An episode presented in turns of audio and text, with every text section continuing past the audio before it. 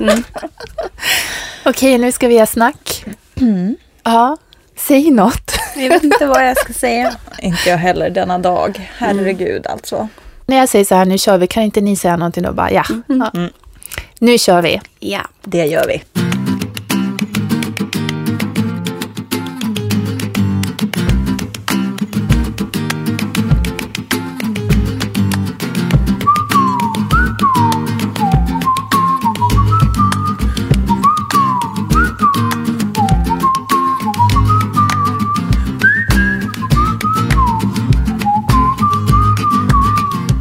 Välkommen till Bokpodden nummer sju som vi gör tillsammans med nätbokhandeln Bokus.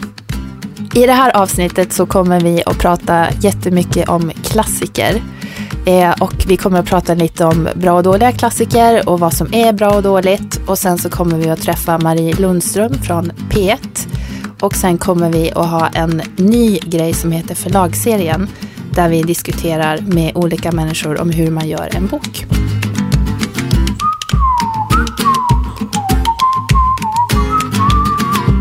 Är ni med?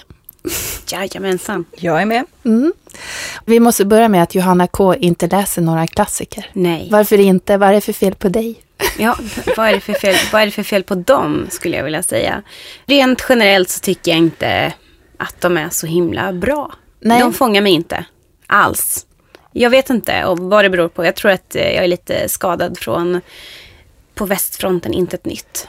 Och hur gammal var du när du läste den? Mm, nian kanske. Ja, mm. så efter det har du bara gett upp klassiker? Eh, ja, i princip ja. ja. Men Åsa, du läser klassiker. Mm. Varför? Vad är det för fel på dig? det är mycket som är fel på mig. Men just vad det gäller det här. Eh, nej, men jag tycker att eh, det är roligt att känna sig smart. Är det därför man läser klassiker? Ja, det är nog en del i det. Alltså det, det måste ju erkännas att det finns ett snobberi ja. i det här.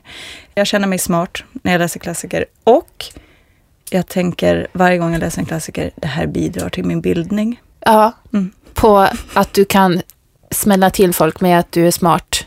Eller Nej, mer att jag kan bära det som en skatt. Att jag vet att jag är smart. Ja, men är det då, om man tänker att man läser nutida romaner, är det mer bildat att läsa en klassiker än en nutida bra roman? Nej, men det tycker jag nog inte. Men däremot, så, det är inte så att jag inte läser några nutida. Det Nej. gör jag ju. Eh, men jag tycker om att läsa klassiker också, därför att ofta hänvisas det till klassiker, både i modern litteratur och i alla andra möjliga typer av sammanhang. På Simpsons till exempel, på tv. Ja. Och då förstår man ju de grejerna. Det är kul. Du plockar upp referenserna. Ja. Men Johanna K, vill inte du plocka upp referenserna? Jo. Och känna dig smart. Ja, men jag, jag, jag eh, köpte eh, Gösta Berlings saga av Selma Lagerlöf till min podd som första bok. Och det är bara första sidan. Det bär mig emot en pastor och texten svider i mina ögon. Jag vet inte om det beror på paddan eller om det beror på boken. Jag orkar inte. Men hur mycket läste du av den då? Ja, jag läste den första sidan. Ja. Okej, men Åsa då. Du som läser klassiker och känner dig bildad.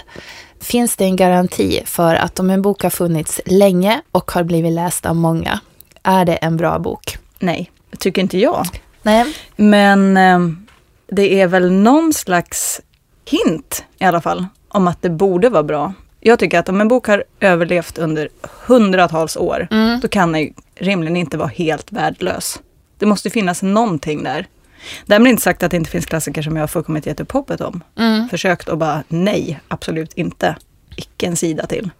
Okej, nu ljög jag, för att jag läser ju ut det är också snobben i mig. Jag läser ut fast jag tycker det är kast. Men jag, men jag gör det i alla fall. Men jag du sa ju, när vi satt och diskuterade här innan så sa du att det är en bok du håller på med i tio år. Ja. Är det, du, du tänker ändå, jag håller på att läsa ut den här boken även om det tar ja. tio år? Någon gång ska det ske. Vilken bok var det? Ja, det är Moby Dick. Hur långt har du kommit? Jag har slagits med denna val alltså. Eh, ja. Alltså har jag kommit hundra sidor så är det bra. Och hur lång är den? Oj, det är en stor val. Brott och straff? Eh ja. tjocklek. Ja. 800, 700 mm, någonting. Något sånt är det nog. Ja. Men eh, jag, jag tänkte bara på att eh, böcker överlever i många år. Men är inte det, kan inte det vara lite av gammal vana då? Att man liksom hyllar någon gammal gubbe så som man ofta hyllar gamla gubbar. Det tror jag definitivt. För att till exempel, vem ska vi ta? Dickens. Mm. Han har ju klassikerstatus och jag tycker att hans böcker inte är så himla fantastiska.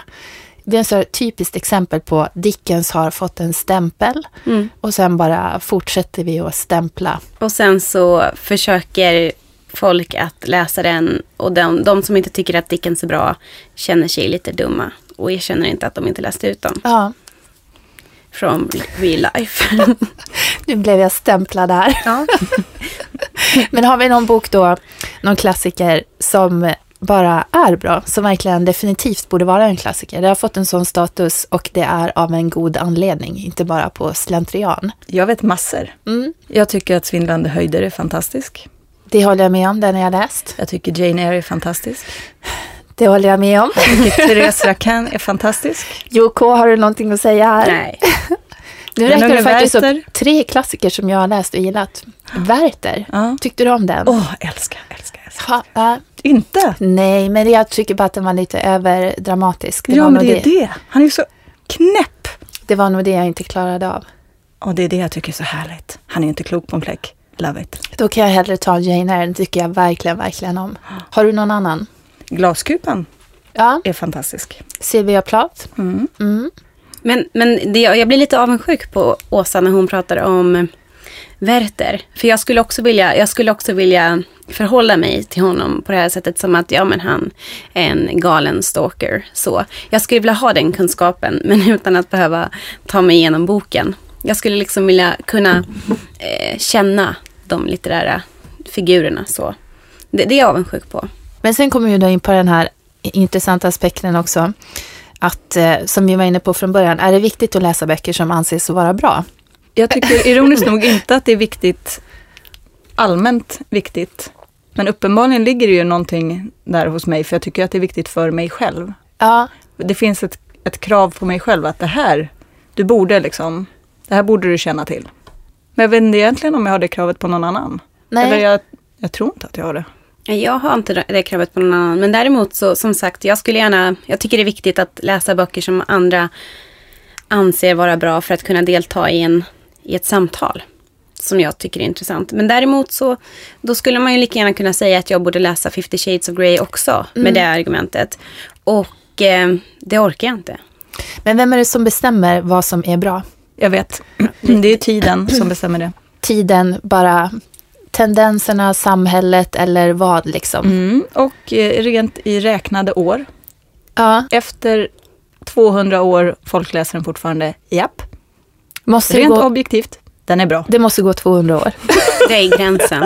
Om man tänker så här att en bok som läses av många på kort tid men sen inte läses mer. Som till exempel 50 shades of Grey. Ja, anar jag. Då är inte den lika bra som någon som läses under lång tid av många, säg 200 år. Är Sant. vår definition. Ja, det, så är det. Ja. Slå upp det i valfri ord. jag tycker att det låter väldigt bekvämt och, och förnuftigt måste jag säga. Ja, vad skönt. Ja. Mm. Har ni någon nutida roman eller ganska ny? Om vi säger att en klassiker måste ha överlevt i 200 år, men finns det någon roman som ni har läst på sista tiden som ni tänker, det här kanske kan bli en klassiker?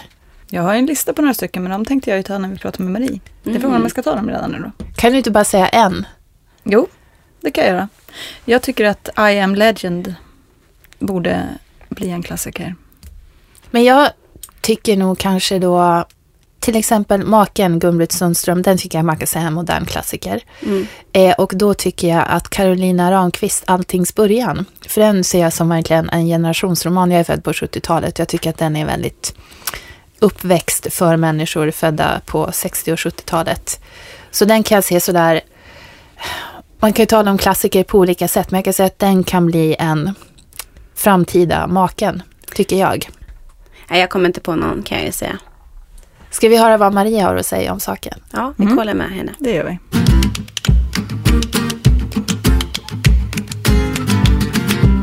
Ja, och nu har vi alltså tagit hit en klassikerexpert i form av Marie Lundström från Lundströms bokradio i P1. Välkommen!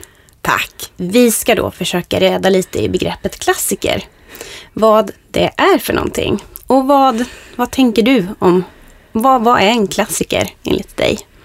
Jag tänker att, det, att en klassiker, och då menar jag en levande klassiker, är tillgänglig. Dels måste den finnas fysiskt, den måste finnas som bok. måste komma i nya översättningar och nya utgåvor. Mm. Och dels måste den liksom vara mentalt tillgänglig för oss.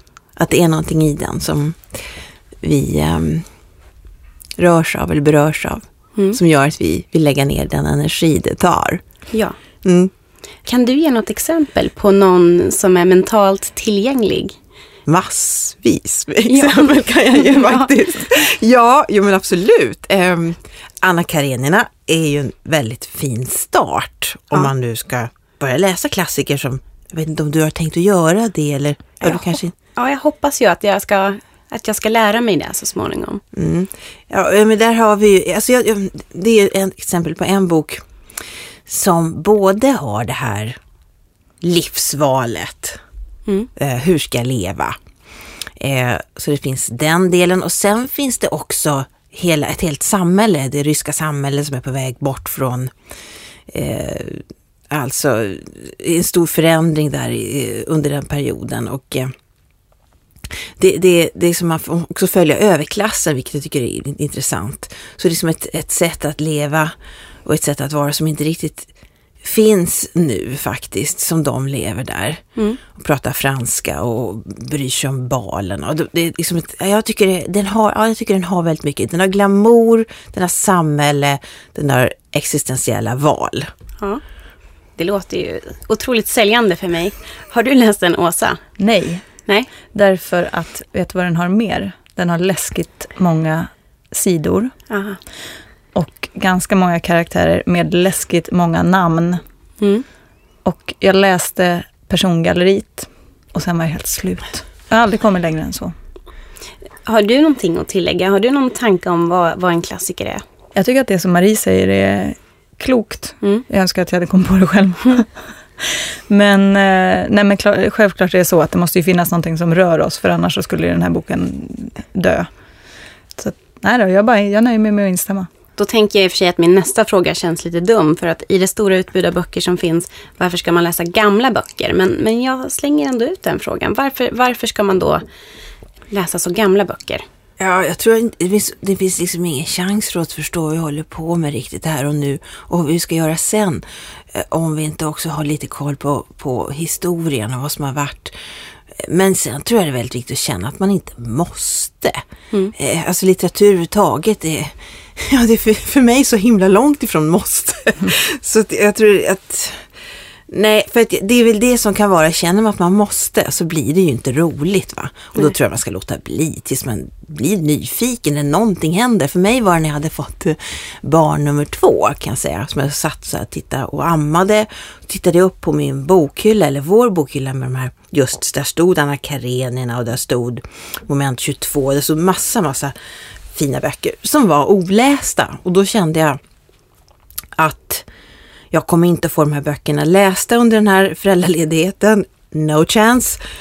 Och då måste jag liksom, men att jag ville läsa dem plötsligt och då måste jag bygga in det här i mitt jobb. Mm. Och det var, det var så jag löste problemet. Och det kan kanske du också göra, att du ja, ah, ja, men... gör det på något sätt att man får, man kan göra lite grann på arbetstid i bästa fall. Ja. ja. Jag tänker att de, de klassiker jag har läst har jag varit imponerad av för att jag tyckte att de har varit oerhört bra. Mm. Och det har liksom blivit incitamentet till att fortsätta. Och hittills har jag haft ganska få erfarenheter av böcker som har kallats för klassiker och som jag bara har känt att nej. Så det är nog det. Alltså det. Jag tycker det känns som säkra kort mm. när jag väljer böcker, ofta. Men, men finns det då någon, någon klassiker som, som ni har blivit riktigt besvikna på? Som ni tycker att, men vad är det här? Var, varför ska man läsa den här? Varför är den så upphöjd? Vad säger du Marie? Ja, vi skulle läsa Strindberg i bokcirkeln och då kände jag spontant att jag vill inte gå igenom det här med Röda rummet Nej. igen. Man ska inte börja där. Alltså, då ska man först bli ordentligt sjuk på Strindberg och biten och ja. ha feber. Man ska inte börja. Så att, nej, En dåres försvarstal tog vi som är en text som, oh, som är oerhört levande och som jag, alltså är man, berörs man inte av den, då är man död. Så att, eh, ja, nej, det röda rummet, det var, och det var också den här svenska lektionen på hö, hög, gymnasiet kanske det var, det här eh, lysröret, den här malande rösten där framme. Det som jag har sökt mig bort från hela tiden. Mm. Så, så, nej, så den kan inte jag. Nej. Jag har en hel trio ja. eh, med klassiker som jag inte tycker förtjänar sin klassikerstatus. Och de faller in under ett gemensamt tema. Det är män i fordon.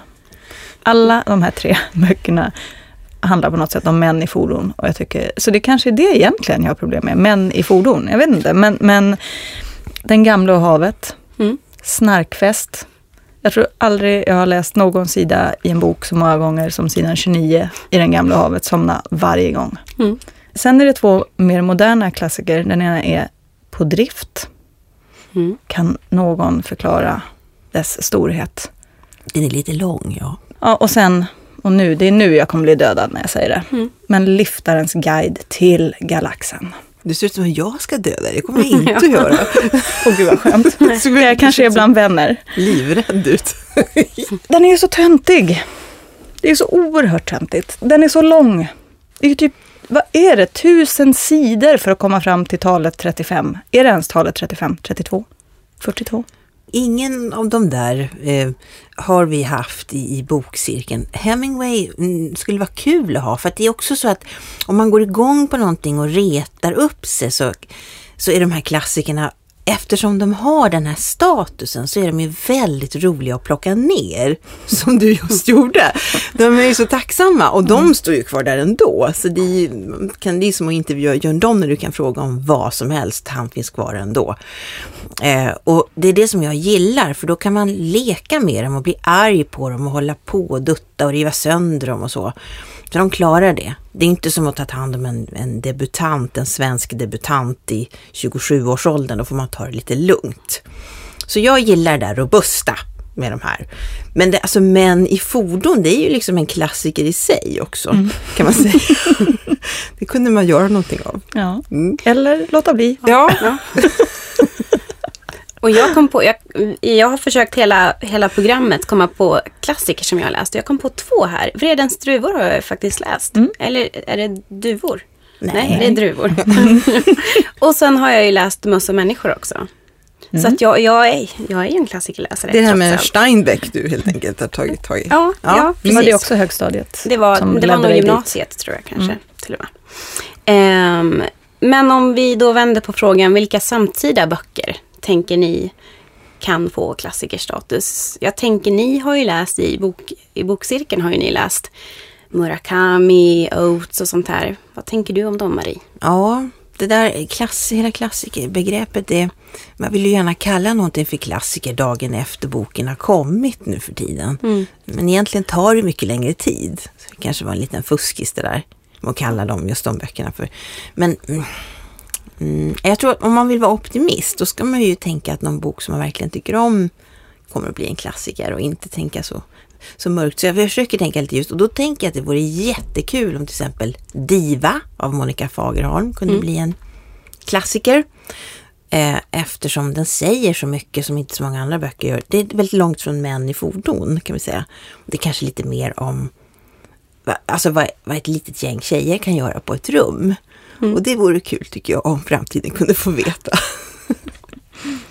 jag hoppas att Blindheten av José Saramago kommer bli en framtida klassiker. Och varför då? Jag tycker att den är så lysande, obehagligt vidrig. Alltså det är en bok jag inte kan sluta tänka på. Jag tänker på den jätteofta och jag mådde så dåligt. Varför? Jag, jag har inte läst den. Eh, men det är ju verkligen eh, mänsklighetens förfall, liksom, som går väldigt snabbt. Det, det är nästan, det är nästan en, en, en zombieroman, mm. fast utan zombier. Det är, den har inte släppt greppet av mig. Så den hoppas jag på att fler ska må dåligt av. Två blivande klassiker.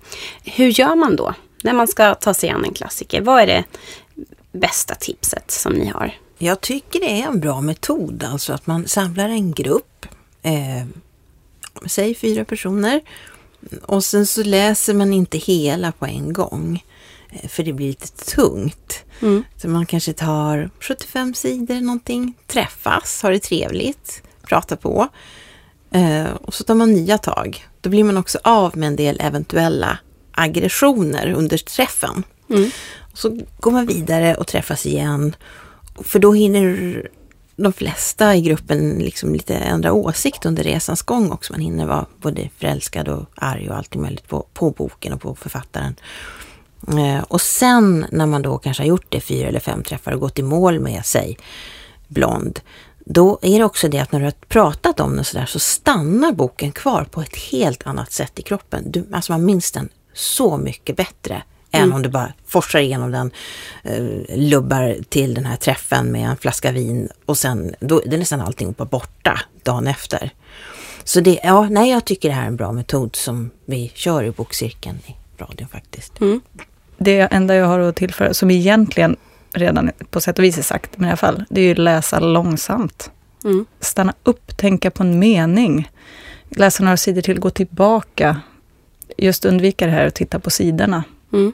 Och var, var börjar man? Jag tror du ska börja med författare som du älskar som nu. Mm. Eh, kanske någon samtida författare. Och kolla lite vad den författaren har för inspirationskällor eller vad den författaren älskar. Mm. Ofta är det någonting som faktiskt, tyvärr, jag är ledsen, är en klassiker. Mm. Och då kan man känna en släktskap där, att man läser det som den som man älskar läser. Man har en slags litteraturkärlek till. Mm. Det kan vara liksom en större gnista då i, i det hela från början. Vet ni, jag är så glad att vi hade det här samtalet, för jag känner mig sugen. Jag funderar på att börja med Anna Karenina, för du nämnde den i början. Det lät fantastiskt. Så att, tack så hemskt mycket för att ni har fått mig peppad. Ja, tack, tack. tack.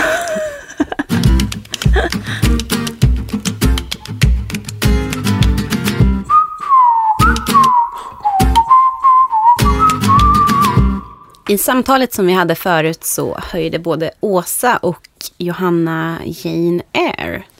Och nu, Johanna, när jag har dig här, nu får du stå till svars. Gud vad hemskt. Vad är det som är så bra med den? Ja, den är faktiskt eh, bra på väldigt många sätt. För att den här skrevs 1847. Författaren heter Charlotte Bronte. Eh, och för att, jag tänkte att jag berättar bara snabbt handlingen. Folk vet ju säkert handlingen för man har sett filmer och sånt. Men jag drar det lite snabbt. Och då handlar det om en föräldralös flicka, Jane Eyre. Eh, och hon växer upp hos elaka släktingar. Om jag kommer ihåg rätt så är det en moster och hennes barn och de är ganska hemska mot henne. Mm. Eh, och ganska snabbt så blir mostern less på att ta hand om Jane Eyre så hon bara skeppar iväg henne till en religiös skola.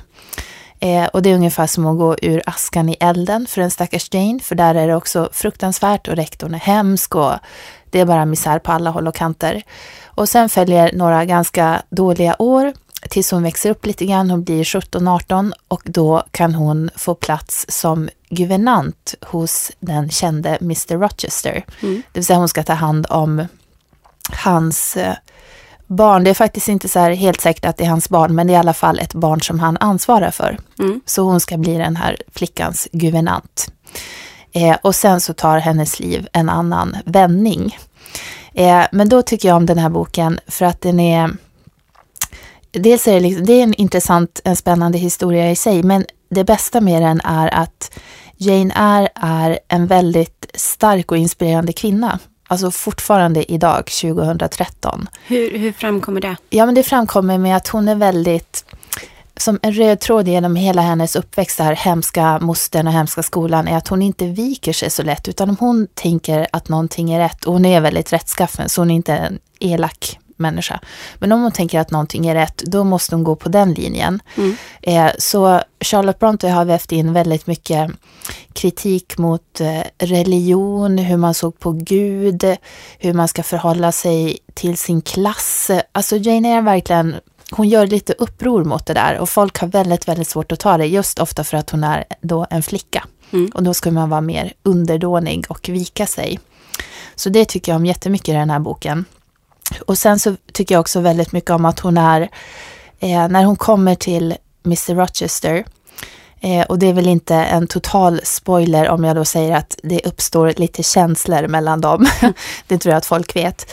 Eh, men även där så är hon väldigt eh, rakryggad och eh, eh hon måste liksom klara sig själv för han är väldigt rik, han är ganska snygg på sitt sätt.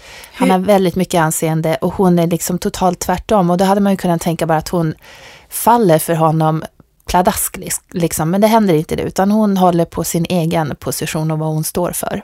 Mm. Hur, hur, hur vet man att han är snygg? Eh, man vet det för han är snygg på liksom det här sättet, om vi säger det manliga, det manligt snygga sättet. Han är inte bildskön, men han har en stark utstrålning. Ja. Det är sätt som kvinnor aldrig beskrivs som snygga, för kvinnor är ju de måste vara vackra. Estetiskt ja. vackra och män kan vara attraktiva på ett annat sätt. Ja. Han är en sån. Okay. Mm. Ja. Väldigt stark man. Mm. Håller han på och uppvaktar henne? Ja, han börjar med det lite så smått. För att i början är han ju verkligen inte alls intresserad av henne. För hon är ju bara en guvernant. Det är någon skugga i tjänstefolket som tar hand om hans barn. Ja. Eh, men sen så märker han, de börjar samtala lite grann och han märker att hon har huvudet på skaft, hon är bildad. Och det här att hon inte bara faller till föga och säger ja och nej på det mm. han svarar utan att hon kan gå i diskussion med honom. Det tycker, blir han väldigt äggad av. Mm, eh, givetvis. Mm. Och de eh, utvecklar en vänskap och hon är hon är som så svältfödd på samtal, den stackars Jane Eyre, som jag också tycker är intressant med den här boken. Eh, för att man får inse hur otroligt begränsat livet var. Att man, eh, idag har man ju så mycket möjligheter och man kan göra vad man vill och åka vart man vill. Mm. Eh, och på den här tiden för en kvinna i hennes position så var det som bara, ja nu har hon det här jobbet. Hon bor i ett hus, det är några andra tjänstemänniskor där, men det är ungefär alla människor de träffar. Och därför blir hon väldigt glad när Mr Rochester börjar prata med henne. Mm. Att det är, ja, hon får lite mer socialt liv på grund lite av honom. Intellektuell stimulans. Det med, mm. istället för att bara hålla på och öva franska glosor med den här lilla ungen Adele som hon tar hand om. Mm. mm. Eh, men hur, hur har den här stått sig över alla år? Den har stått sig bra, relativt bra kan jag säga, för den är lite långsam i början. Eh, jag har läst den här i skolan med mina årskurs tre i gymnasiet. Mm. Och då, vi befarar lite grann att, vi skulle tycka, att de skulle tycka att den var seg i början. Så då passar det så himla bra när vi läser den senaste gången att den filmen, Jane Eyre, precis hade kommit. Mm. Och det var väl då i förra våren.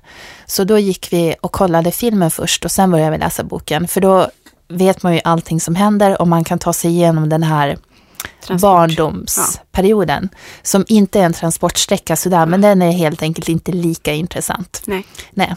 Så jag tycker att den har stått sig ganska bra ändå. Och de här temana som eh, Charlotte Bronte tar upp, det är ju då klass, eh, ganska mycket sex och religion, mm. väldigt mycket feminism. Det är ju alltid mm. intressant. Så det är inte så att hon har skrivit om någonting förlegat som vi har kommit förbi, utan de här sakerna tycker jag gäller väldigt mycket fortfarande. Och sen så pratade vi lite tidigare också om det här att man läser klassiker för att få för att kunna visa sig smart och mm. ha bildning.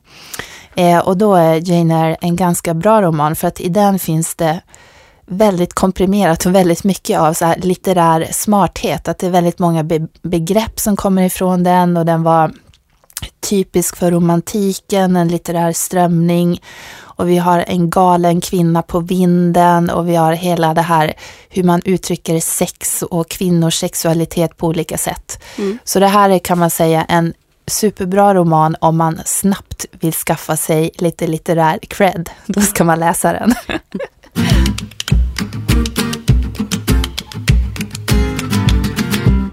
Nu ska vi börja med vår nya serie i podden som vi kallar Förlagsserien. Och där ska vi prata om hur man gör en bok och så kommer vi att träffa olika människor varje avsnitt som jobbar med bokprocessen.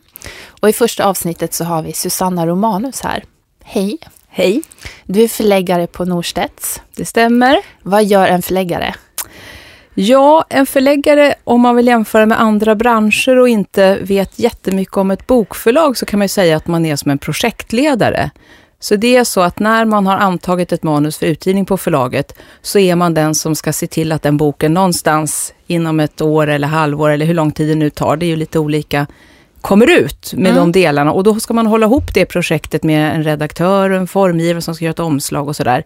Och, ja, och även då ekonomiskt. Ja, och vi ska då prata om debutanter, Mm. som fokus på debutanter i den Mm. här serien. Vad kul. Ja, eh, ni vill ju hitta nya författare. Mm. Hur hittar ni nya författare? Hur gör ni? Ja, det är det klassiska och traditionella sättet för ett stort och gammalt och etablerat förlag som Norstedts. Norstedts har ju funnits i snart 200 år, är grundat 1823. Så då har man ju ett visst renommé bland de som skriver och vi har ju, vi har ju fått det renomméet genom att vi har givit ut ett antal författare. Och de som skriver kikar ganska ofta på var de författare som de själva tycker om kommer ut någonstans. Mm. Så vi har ju förmånen då kan man säga att få in väldigt, väldigt mycket manus till oss, närmare 2000 varje år, eh, som folk skickar till oss utan att vi så att säga har bett om dem. Mm. Vad händer med den här, eller de här enorma högarna? Vad gör Mm. ni? Vi har ett antal personer som väldigt ja, dedikerat arbetar med det eh, och träffas varannan eller var tredje vecka och tittar på alla de manusen som har kommit in under den perioden. Mm. Och det är en grupp som består av förläggare och redaktörer och ett par externa lektörer också brukar vi ha i den där gruppen för att få en bra dynamik och en bra blandning på folk. Och de tittar tillsammans då på alla de här manuskripten och, och kikar på dem och, och sorterar dem lite grann av sånt som man kanske omedelbart eh, vet att man måste läsa mer i och det hinner man inte göra på mötet där man sitter. Utan det här är ett manus som verkar väldigt intressant, det ska vi läsa. Så sorterar de upp och delar upp mellan sig då vem, som ska läsa vad till nästa möte till exempel. Och sen så blir det då naturligtvis en hög med sådana manus som man ganska snabbt under mötets gång när folk tittar på dem bedömer att det här är ingenting för oss, det här är Mm. ingenting vi kan ge ut. Och då tackar man ju nej till dem. Och av de här 2000 som kommer in så kanske det är fyra om året som kommer ut. Men när du säger att ni tittar på dem, innebär det att ni läser hela manusen? Det skulle vi aldrig ha tid med som, som du säkert förstår när du hör hur många manus som kommer. För det kommer ju flera om dagen då. Ja, Så att eh, det finns inte resurser på, på något förlag att läsa hela alla de manuskripten som kommer in. Det, det skulle det vi någon- inte få göra någonting annat på förlaget och det går inte. men finns det någon tumregel så här att ja, men ni tänker vi läser i alla fall tio sidor eller vi läser, har ni någon sån? Mm. Ju, ju bättre texten är, desto mer läser vi. Är det. Det är det Mm. kryptiska svaret. Mm. Ja. det utkristalliserar sig oftast ganska snabbt vilka manus som man vill gå vidare med.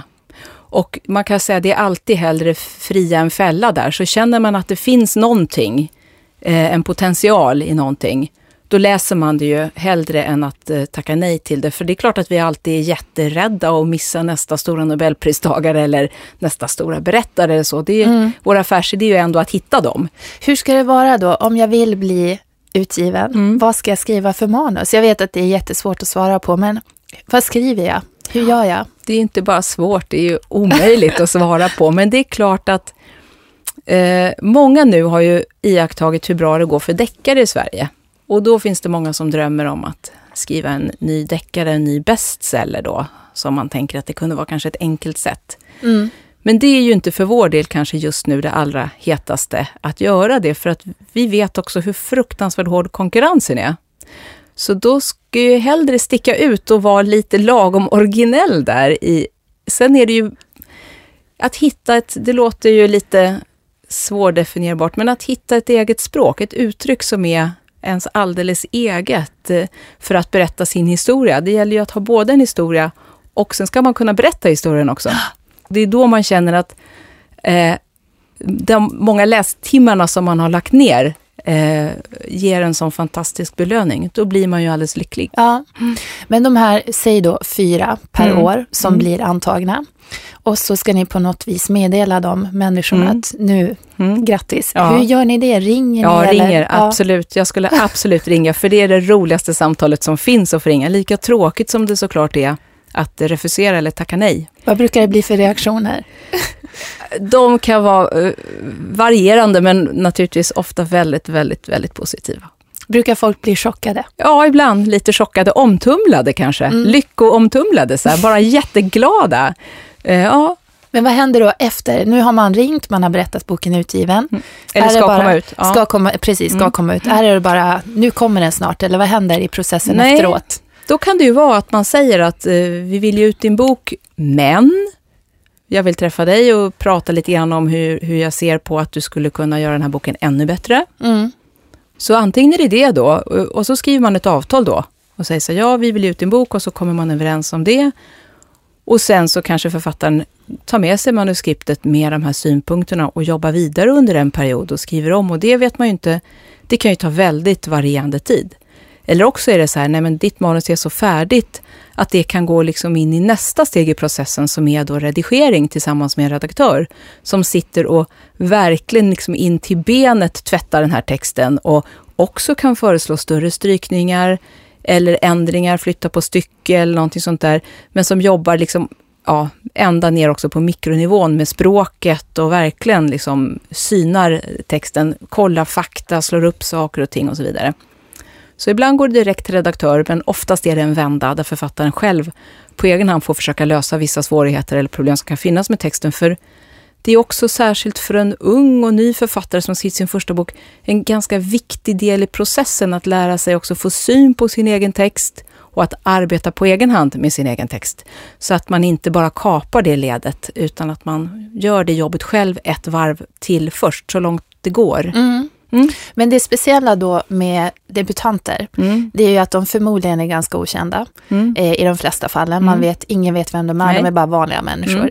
Mm. Eh, vad brukar ni då ge när det närmar sig utgivning? Vad ger man för råd från förlagets sida? För man har ju förmodligen en dröm som debuterande författare att nu kommer mitt liv kanske bli förändrat och det här har jag längtat efter hela i 20 år. Vad brukar ni säga? Ja, det är ju väldigt svårt att förbereda därför att om man säger så här, nu kommer alla slita och dra i dig. Nu kommer alla tidningar ringa och alla kommer vilja intervjua dig och du kommer vara överallt. Och även om man tror det. Och så blir det inte så. Nej. För vi vet ju inte alltid. Vi har ju, tror ju jättestarkt på varje titel som vi har valt ut, eller varje författare. Och ibland blir mottagandet helt fantastiskt och alla, alla berömmer det och alla vill ha denna person med på olika sätt. Och ibland blir det lite tystare. Mm. Så på något sätt måste man ju balansera det där och samtidigt försöka förbereda författaren på att publicera sig. Det är ju att göra sin text offentlig. Och att på något sätt kasta sitt eh, lilla hjärtebarn ut, liksom, där var och en plötsligt får tycka och tänka om den. Och det här med recensioner och sånt där. Det är svårt att förbereda sig för det, tror jag, innan man har varit med om det faktiskt. Men eh, det är ju ett väldigt stort steg och samtidigt så har man ju valt det själv. Men brukar ni ha sådana samtal? Ja, Ja. det råd som jag brukar ge till de unga författarna som jag jobbar med, det är att sätt igång och skriv på bok två innan bok ett har hunnit komma ut. Varför det? Därför att då är det så att då är man liksom mentalt, har man också en annan grej att tänka på. Det här är inte the bok, för om det går jättebra med recensioner, alla höjer inte skyarna och så, blir, och så blir man inbjuden överallt och man ska vara borta. Då kan man ha väldigt svårt att hinna skriva under en period och dessutom så kan man ju få lite prestationsångest. Mm. Därför att man känner så här, herregud, hur ska jag kunna göra om det här? Det, det är omöjligt nu, för den svåraste boken att skriva, säger alla, det är bok två. Mm. Och går det jättedåligt på första boken, händelsevis, vilket vi ju aldrig hoppas att det händer, men om det gör det, då kan det ju också vara jättesvårt att börja skriva igen, för då kan man känna sig, ja, ja det här gick ju inget vidare och, och vem vill läsa en bok till av mig då? Och, och då tror jag att det mentalt kan vara jätteskönt om man redan själv har lite grann gått vidare in i ett nytt projekt som man också har att fundera över. Mm. Är det några böcker som är ute nu, som har kommit ganska nyligen, som är dina debutanter? Mm, det har kommit, eh, det kommer jag ha två stycken nu i vår. En som heter Anna Maria Jansson, Välkommen ut på andra sidan, som har kommit. Och en som kommer nu om några veckor som heter Jag tjänar inte av Jenny Åkervall. Tack Susanna, det var väldigt roligt att höra dig berätta om allting. Mm, tack själv för att jag fick komma hit, jätteroligt, verkligen. Och välkomna till Norstedts Mera Manus. Ja, det tar vi med oss.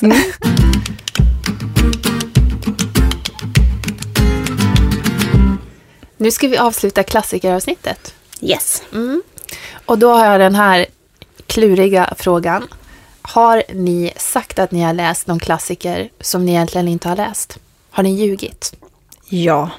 Vi vill ha en utveckling, Åsa. nu kommer bikten. Jag har inte läst Stolthet och fördom. Och jag, jag har sagt att jag har gjort det. Aha, till vem sa du att du hade gjort det? Och jag, jag har gjort det flera gånger. Olika personer? Jajamän. Har vi ett namn? Jag har ljugit för elever om detta. Jag har ljugit för min läsecirkel om detta. Dessutom har jag påstått det i en söndagsbilaga av en kvällstidning. Oj, herregud. Så att jag har gått långt i den här Miljoner lögnen. är lurade. Oh ja. Vad skönt att äntligen få veta. Mm. Jag har ju sett filmen Ja. och tv-serien och det hela. Mm. Men de facto icke läst. Johanna, har du någon som du har ljugit om?